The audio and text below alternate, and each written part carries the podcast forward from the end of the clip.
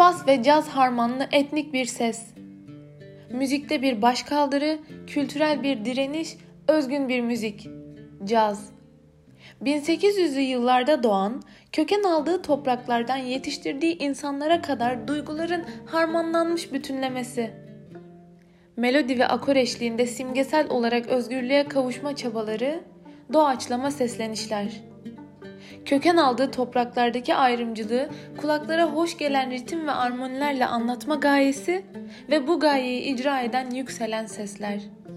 Bu yükselen sesler arasında caz ve dünya müziğini harmanlayan kültürel bir köprü, genç bir sanatçı.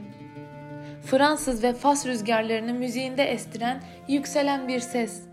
Hindi Zahra. Bir ses, çok his. Duru, tutkulu, coşkun, sade bir sesten duyulan ezgiler.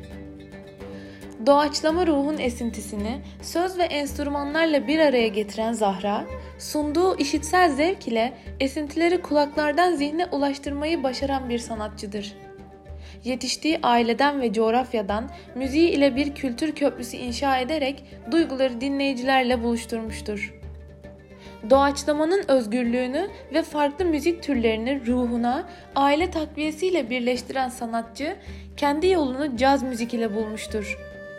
İmgesel dünya ile kendini besleyen bu özgün ses, müziği etnik bir yolculuk olarak tanımlamaktadır.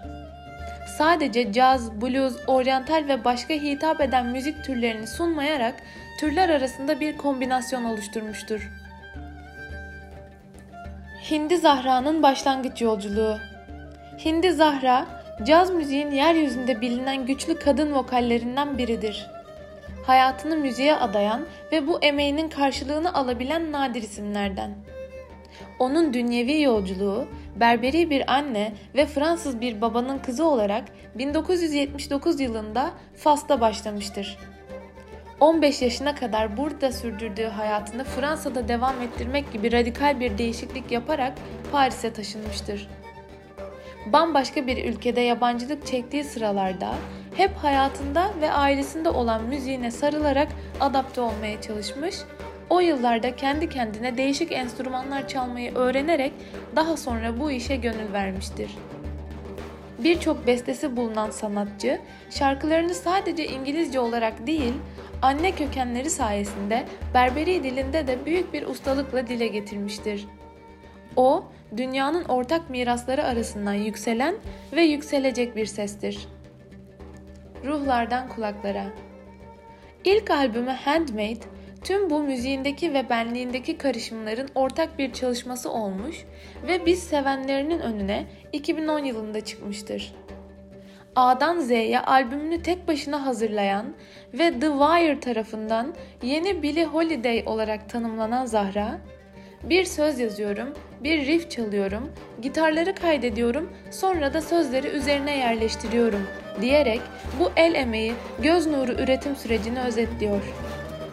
Çalışmalarında Fas köklerinden de kopmadığı gözlenen Blue Note sanatçısı Hindi Zahra, performanslarında bendir gibi geleneksel enstrümanlara da yer veriyor.